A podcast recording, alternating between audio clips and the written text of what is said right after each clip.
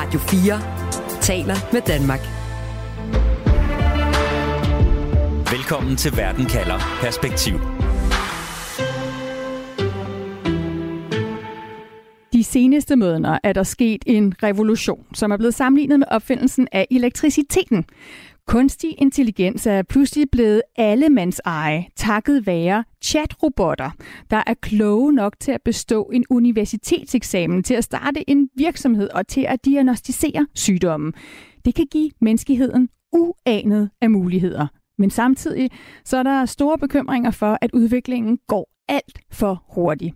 I Italien der har de ligefrem forbudt den mest populære chatrobot, ChatGPT, og fagfolk fra hele verden har for nylig advaret om, at vi ligefrem står over for en trussel mod vores civilisation. Og derfor spørger jeg i dag, er vi troet af kunstig intelligens? Vi skal først og fremmest se på, hvorfor forskere og fagfolk er så bange, og om løsningen må er mere EU-lovgivning. Jeg hedder Stine Krohmann Dragsted. Velkommen til Verden kalder perspektiv, hvor jeg stiller et spørgsmål, der giver dig perspektiv på verden omkring os, og på 30 minutter giver dig et svar. Du lytter til Radio 4.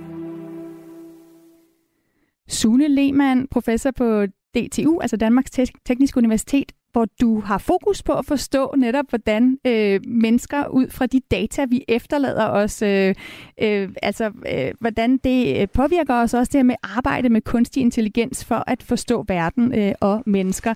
Velkommen til Verden kalder, Sune. Mange tak. Sune, kan man sige det på den måde, at mennesket har fået en ny bedste ven? Altså en ven, som, øh, som er mange, mange gange klogere end os, og som kan hjælpe os med både lektier og vores selvangivelse og være vores læge? Øh, ja, altså, jeg synes måske, det er lidt ladet at kalde det en bedste ven. Det er nærmere, at vi har mødt et øh, rumvæsen, som øh, kan en masse fantastiske ting, Øhm, må, måske er det en bedre måde at beskrive det på. Og hvorfor er det bedre så, at sige så, et så rumvæsen? Vi ved, vi ved ikke helt... Nå, men det er jo fordi, at den, det her, det er ligesom, det der er så fascinerende ved det her, det er en maskine, som øh, kan alle mulige helt vilde ting. Altså sådan at, det, specielt den her nye udgave af den, der hedder GPT-4, den har, du ved, har de givet en masse forskellige eksamener, og ligesom den tidligere udgave af den, den der hedder GPT-3, den den kunne sådan lige bestå de her eksamener. Men den her nye maskine, de har, har bygget på meget, eller der ligesom er kommet ud på meget kort tid efter, den kan bestå alle de her embedseksamener i jura og øh, alle mulige komplicerede matematik- og fysik-eksamener med topkarakter. Så, så vi har lige pludselig fået den her maskine, som er helt fantastisk, men samtidig så er det det, at der ikke er rigtig nogen, der ved præcis hvordan og hvorfor at den virker, og hvordan det gør det, den gør. Selv dem, der ligesom er allermest eksperter i det. Prøv, prøv så, det at... så det er derfor, jeg siger, at det er ligesom en alien. Ja, altså nu siger du, at øh, nu er den i stand til at bestå øh, al, altså allerede alle mulige eksamener. Det lyder ret enten fantastisk eller vanvittigt, alt efter hvordan man ser på det. Hvor hurtigt udvikler det her så? Det udvikler sig så hurtigt, at den eneste måde, jeg ligesom kan følge med i det, det er ved hver morgen og så logge på Twitter og så se, hvad der er sket. Fordi at udviklingerne foregår simpelthen dagligt, sådan så at selv de videnskabelige publik... Altså hvis, hvis man tænker tilbage på coronatiden, ikke, så var det det der med, at vi skulle til at lære, at videnskaben den udviklede sig øh, sådan så at man havde ikke sikker viden med det samme, og der kom hele tiden nye publikationer ud, hvor man kunne se den nye viden. Men det her, det går ligesom på en eller anden vanvittig måde endnu hurtigere. Sådan så at hvis man ikke ligesom tjekker ind hver eneste dag, så går man glip af ting. Så det går meget, meget hurtigt øh, nu. Ja, og derfor så skrev for nylig flere end 1000 eksperter og folk, der arbejder med kunstig intelligens under på et åbent brev, og der bliver løbende skrevet under. Der, der er over 22.000, øh, der har skrevet under. Øh, blandt andet så Elon Musk, øh, der er især kendt for Tesla, har skrevet under. Steve Wozniak, der er medstifter af Apple, har skrevet under. Og der står her i, i det der brev, al udvikling af kunstig intelligens skal omgående sætte på pause i mindst 6 måneder, og skal vi risikere at miste kontrollen med civilisationen, lyder det blandt andet. Og du var en af dem, Sune, der har skrevet under på det her åbne brev. Det, det er jo sådan en ret voldsom advarsel. Hvorfor har du skrevet under her? Altså, jeg har skrevet under for, netop fordi, at det går så hurtigt, og fordi, at jeg kan se, at der er en masse øh, nye problemstillinger, som vi er nødt til at tage stilling til som samfund, og det nytter ikke noget, at altså, de, de, den her teknologi, den er fundamentalt anderledes end noget, vi har stødt ind i i mange, mange, mange år her på kloden. Og den kan en masse ting, som kommer til at forandre vores verden fundamentalt. Og man kan sige, jeg tror, at det som mange af de her folk, som øh, har skrevet under på den her, de er urolige over sådan en risiko, der lyder lidt vild og tegneseriagtigt, nemlig at, at vi kommer til at lave en superintelligens, som, som, øh, som kommer til at være ret ligeglad med menneskerne, og så derfor kommer til at udslette os alle sammen. Det er virkelig, hvad, de, hvad nogle af dem er urolige over. Og det tror jeg måske ikke er det, man skal være mest urolig over, men der, men der er en masse ting, som kommer til at ændre sig i vores samfund i de kommende år på grund af det her. Og der mener jeg, at det er ikke nogen særlig god idé, at den store magt til, hvordan at den udvikling kommer til at foregå, den ligger hos et meget lille antal ingeniører i Silicon Valley. Jeg tror simpelthen, at det her det er så vigtigt, eller jeg synes, det er så vigtigt, at det er noget, som vi som demokratier, demokratiske nationer, skal tage stilling til sammen, og at dem, der skal være med til at vurdere, hvordan det skal gå, det er filosofer og historikere og videnskabsfolk, og ikke bare nogle, nogle, øh, nogle øh, du ved, 27-årige, som, som, som sidder i Silicon Valley øh, og mm. udvikler det her. Ikke fordi der er noget galt i at være 27. Og, bare, og sidde i Silicon Valley og udvikle dig. det, det er. Men, men Sune, yeah. altså, nu siger du, at nogle af dem, der har skrevet under på det her brev, de er simpelthen, altså, der, der er vi ude i at, øh, at, vi, at, at være bange for, at vores verden simpelthen bliver udslettet. Det er ikke helt deroppe på spektret, du er, men hvad er det konkret, så du er bekymret for? Men altså, så, så det som det er, det er, lad, lad os hvis jeg bare lige kan bare beskrive, hvad, altså den her maskine, det er ligesom sådan en maskine, som kan, hvis man skal tænke på det, så er det, at den kan svare på mere eller mindre alle spørgsmål. Øh, som, det, det som man dejligt. kan øh, stille den, og den kan, og den kan svare, ja, og den kan svare ret overbevisende. Bedre end de fleste mennesker. Øh, og den har en god fornemmelse for, øh, altså, nu, nu bruger det er meget svært at tale om det her, den, dens adfærd, altså det, det den kommer med, det viser, at den ligesom også kan resonere i forhold til, hvordan ting forholder sig til hinanden, og hvordan verden hænger sammen, og hvordan sociale relationer hænger sammen. Og, og at selvom den, og, og det skal siges, at den er ikke perfekt, og den laver også fejl nogle gange, det man kalder hallucinationer, men, den, men den er, den er, altså jeg har lavet en del med den, og den er skræmmende god til at resonere med verden. Så, men, så men hvorfor er det skræmmende? Hvor, hvorfor, hvad er det, du er bange for, at den, at den gør, når den nu er så god? Er det ikke dejligt, at vi har nogen til at komme ja, med gode svar til os? Helt sikkert. Det er, det er dejligt. Men altså, hvis vi skal tænke på, ligesom, hvad er det, der er? Så det første, man kan være urolig over, det er, ligesom, at folk de begynder at bruge den på en dårlig måde. Så hvis jeg kan sige, en af de ting, man har gjort med den her fantastiske maskine, det er, at man har sagt, lad os lave nogle ting, så den kan koble sig sammen med internettet. Så noget af det, de lynhurtigt har gjort, det er ligesom, at man har lavet sådan, så at man kan øh, få den til at gå på nettet, så den kan søge viden og ændre ting, og den kan også, du kan også få en plugin, så den kan gå ind på din computer og læse dine filer, sådan så den lige så stille også kan begynde at interagere med verden. Så det er en af de nye ting, der er kommet, en af de her udviklinger, det er ikke nok med, at vi har maskinen, men den kan også ligesom gå ud og gøre ting ude i verden. Og det andet, der er sket, det er, at en af de begrænsninger, den har, øh, maskinen, det er ligesom, at der begrænser, hvor meget man kan bede den om, eller spørge den om på én gang. Den kan ligesom kun klare en vis mængde tekst. Så det er der nogen, der har lavet oven på den her maskine, det er, at de har lavet noget, de kalder det ligesom, øh, de, det navnet hedder AutoGPT, men det det er, det er ligesom, at de har lavet det sådan så, at den kan lave flere versioner af sig selv. Så, så du kan sige, hvis nu du forestiller, at du vil gerne bede den om at sige, okay, nu vil jeg gerne have, at du, øh, hvad kan man sige, rydder for at løse øh, global opvarmning lad os tage et godt eksempel, og så siger den, hvordan skal du gøre det? Så, så kan den ligesom ikke, hvordan skal den komme i gang med at løse det problem, hvis den kun kan give svar? Men det, man så kan bede den om at gøre, det er, at man kan sige, prøv at lave en liste over de ting, vi skal i gang med for at få løst global opvarmning.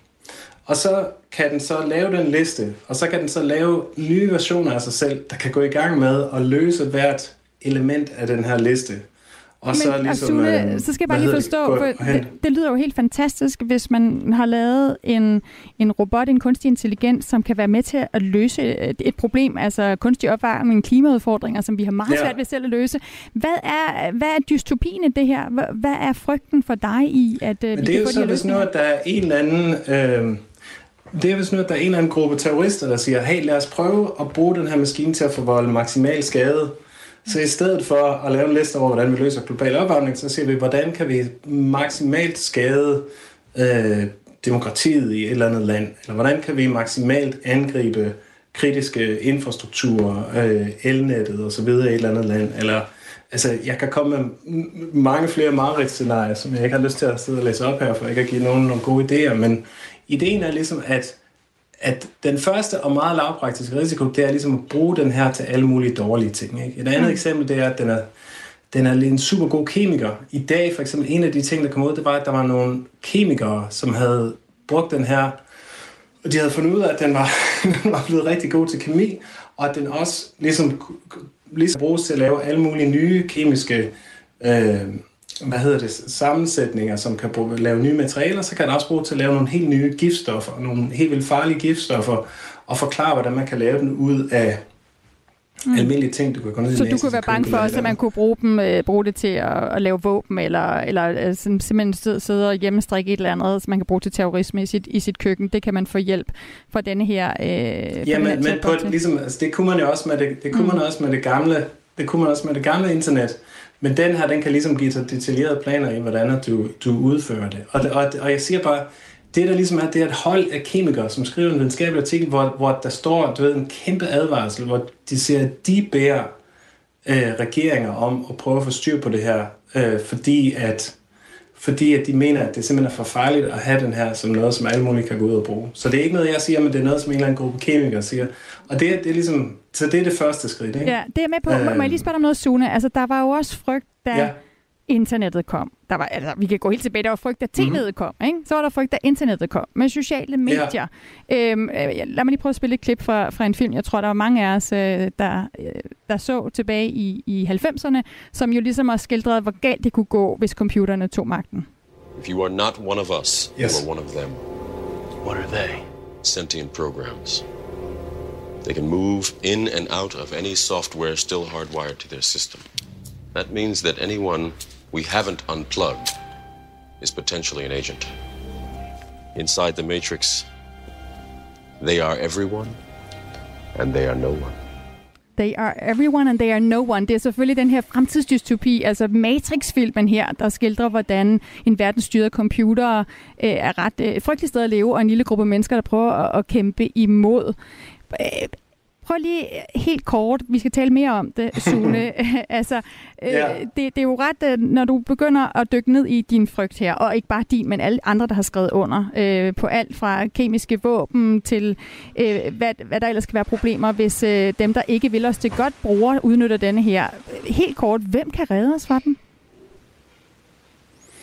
Jamen, altså, det, det må man jo sige, at dem, der ligesom altså, så, så jeg vil gerne sige, at jeg har en meget lang liste af ting, man måske også skal være rolig over, som vi måske kan komme ind på. Men jeg tror, at det her det er ligesom den eneste måde, og det siger dem, der har øh, de her virksomheder. Dem, de, altså, der er mange af dem, der udvikler de her teknologier, der også er urolige.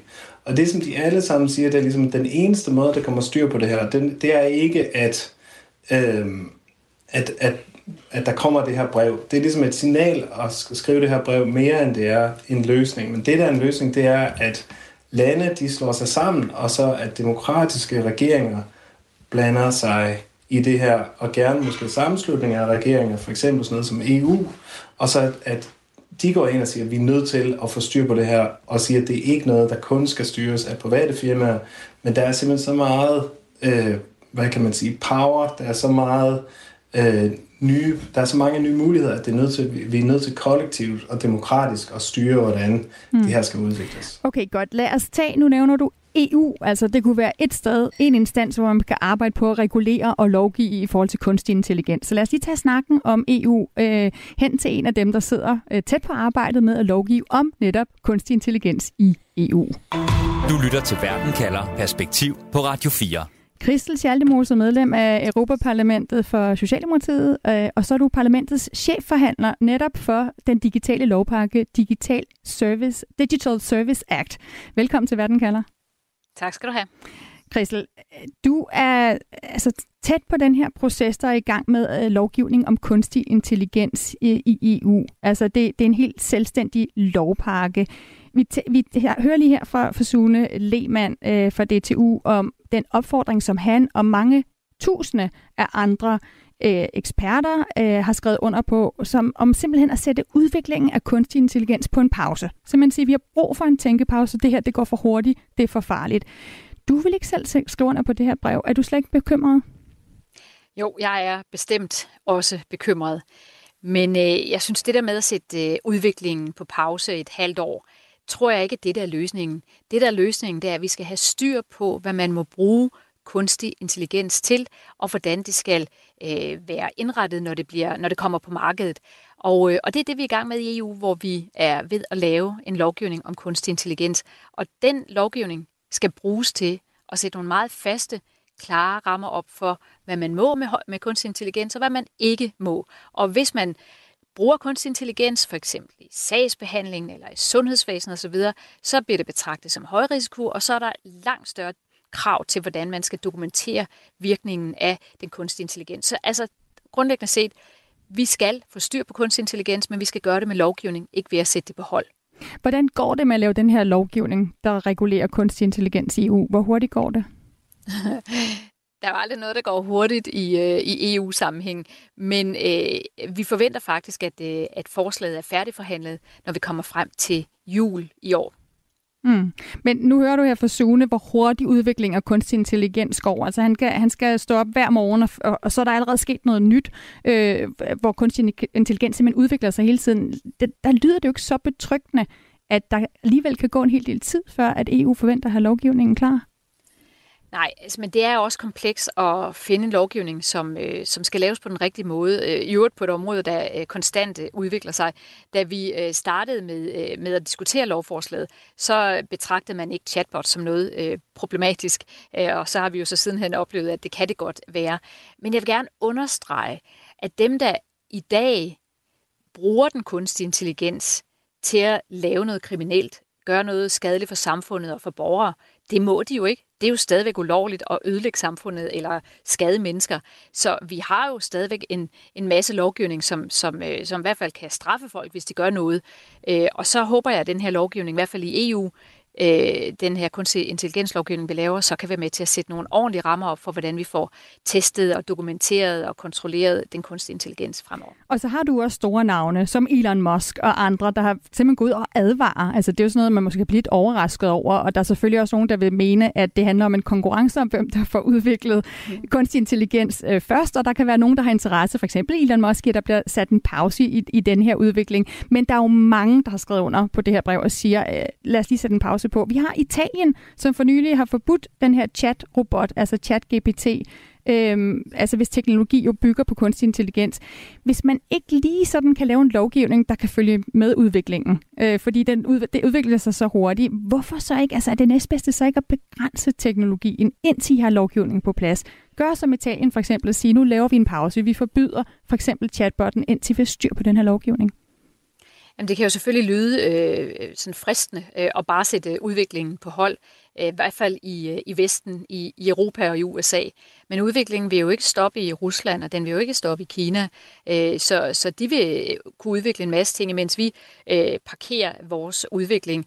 Øh, og det kan øh, i virkeligheden gøre endnu mere skade, hvis ikke vi kan følge med og vide, hvad der, er, der sker. Så jeg tror, det allerbedste, øh, der kan gøres, Øh, Øh, det er, at vi får øh, færdiggjort den her lovgivning så hurtigt som muligt, og sørge for, at den virker så hurtigt som muligt. Men når det er sagt, så vil jeg gerne sige, at det er også godt, at øh, de her mange mennesker har skrevet under på brevet for at, at, at sende et klart signal til os, der sidder og lovgiver, at, øh, at vi skal altså til det alvorligt, og det haster.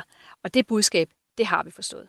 Sune Kristel og andre har fået budskabet om, at det her det er alvorligt, og at det, at det haster.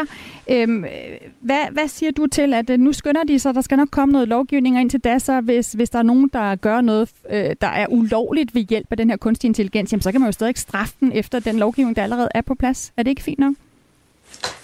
Altså, så jeg vil sige, på mange måder så er jeg jo enig, at jeg, jeg tror heller ikke, at en pause, det gør det helt store. Jeg, for mig at se, var pausen også bare et signal om, at det her det er noget, man skal tage alvorligt.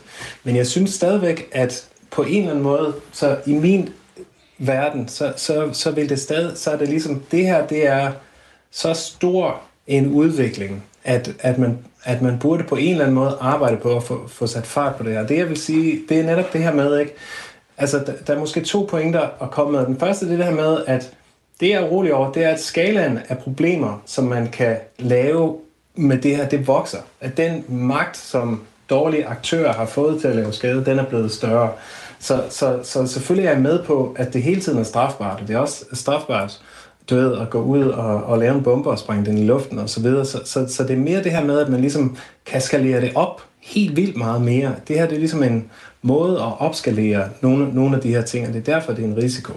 Og det jeg også mener er en risiko, det er det her med, at der kommer, og det er måske det mere vigtige problem, det er, at der kommer til at komme en koncentration af magt ved de her firmaer, som lige nu udvikler teknologierne. Og det er på en vis måde det, som jeg ser er en af de helt store trusler. Det her og, med, og Sule, at... undskyld, jeg afbryder, mener du, at EU kan gøre ja. noget der? Altså, hvad, hvad vil det kræve af EU, hvis man skulle gå ind og på en eller anden måde afhjælpe den fare? Jamen, jeg tror, at det, det, det handler om, det er, at nogle af de her modeller, de skal være åbne og offentlige, og at der skal være data, data skal kræves, deles på, på en måde, som den ikke bliver krævet lige nu. Fordi det, det, der ligesom er problemet, det er, at i det gamle internet, det vi kender, der deler vi jo en stor del af informationerne med andre mennesker. Men når vi alle sammen har sådan nogle envejskommunikationer med de her chatbots, så betyder det, at alle informationerne i den nye verden, de kommer til kun at flyde ind til de her få firmaer.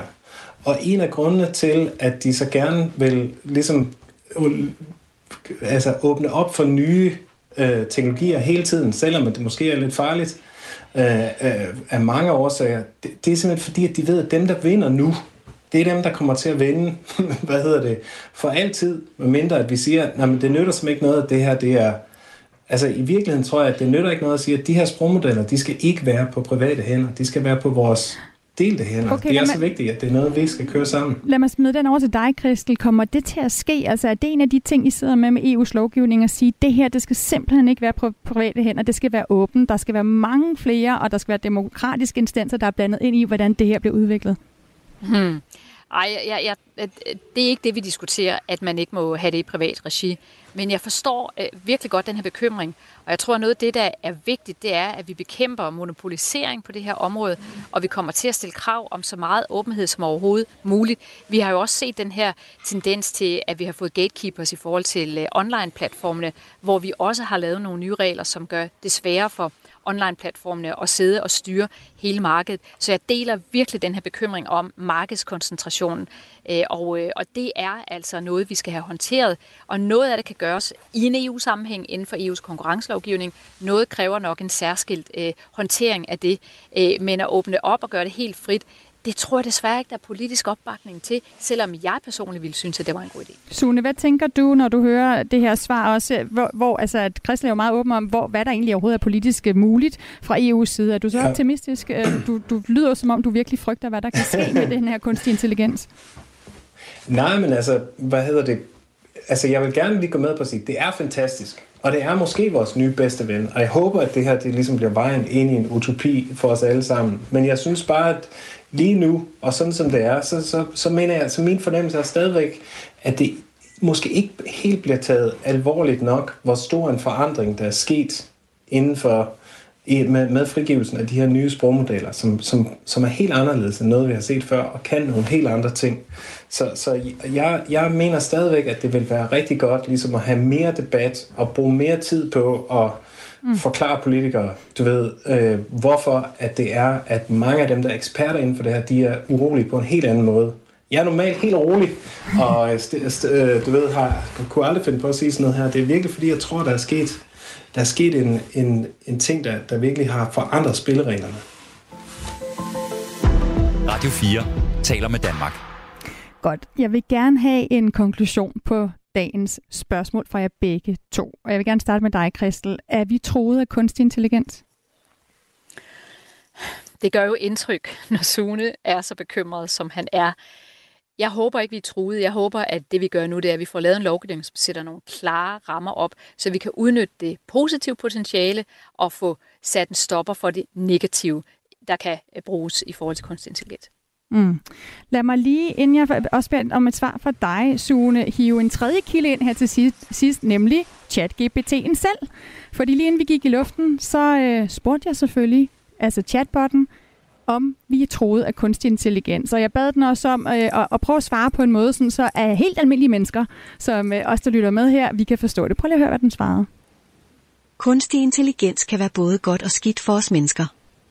Det er vigtigt at bruge det på en ansvarlig måde og beskytte os mod eventuelle farer. Vi bør tale om kunstig intelligens og lære mere om det, så vi kan træffe gode beslutninger om, hvordan vi bruger det.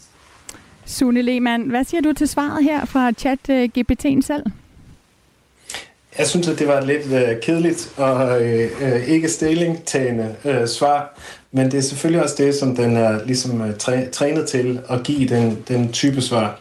Øhm, så, så altså, det var jo flot og nuanceret osv., men, men samtidig ikke, så øh, det sagde ikke så meget nyt. Okay, hvis du øh, selv skal sige. svare på spørgsmålet, og skære det helt ud i pap. Du sagde, at der var andre ting, du var bekymret for, før du ikke havde fået, fået sagt. Altså, hvorfor mener du, at vi troede af kunstig intelligens? Men altså, det, det jeg tror nærmere, det jeg siger, det er, at kunstig intelligens kommer til at ændre vores verden fundamentalt på utrolig mange måder i de kommende år, som på et eller andet tidspunkt må jeg give dig nogle, nogle flere eksempler på det, øh, så, som er mindre kedelige. Og jeg tror, at det er nødvendigt, som jeg sagde før, at vi har en samling af mennesker, som bruger enormt meget tid på at tænke over, hvordan vil vi have, at det skal udspille sig. Og det skal altså være videnskabsfolk og filosofer og etikere og unge og gamle, som ligesom skal tænke sig, den her forandring, hvordan skal den se ud? Vi skal have en vision for det. Og vi skal ikke bare prøve ligesom at lappe lidt på, at de her store firmaer, de skal, de skal prøve ikke at gøre det alt for dårligt. Det er noget nyt, og vi skal have en vision for det. Og hvis ikke vi har en vision for, hvordan det her det skal bringe os ind i fremtiden på en god måde, så tror jeg, at det kommer til at ændre vores verden på en måde, hvor rigtig meget magt kommer på meget få hænder, og ikke til særlig mangens bedste. Christel, helt kort til sidst. At, kan du bruge at det her input for Sune Lehmann? Altså, der er noget, du vil tage med her, som ændrer den måde, I skal behandle lovgivning på i EU? Ja, helt sikkert. Og det er særligt det der med bekymringen i forhold til øh, videnskoncentrationen, øh, magtkoncentrationen, hvem der kommer til at eje mm. øh, kunstig intelligens. Jeg synes, det er utrolig vigtigt, øh, og det er i hvert fald noget, jeg vil tage med mig. Tusind tak. Christel Schaldemose, medlem af Europaparlamentet for Socialdemokratiet og parlamentets chefforhandler for EU's store digitale lovpakke. Og også tak til Sune Lehmann, altså lektor på DTU Danmarks Tekniske Universitet, der arbejder med kunstig intelligens. Og husk, at uanset hvad der sker, så kan du altså få svar på et afgørende spørgsmål med mig, Stine Krummernd Dragsted, her i Verden kalder. Det er mandag og torsdag, vi sender live.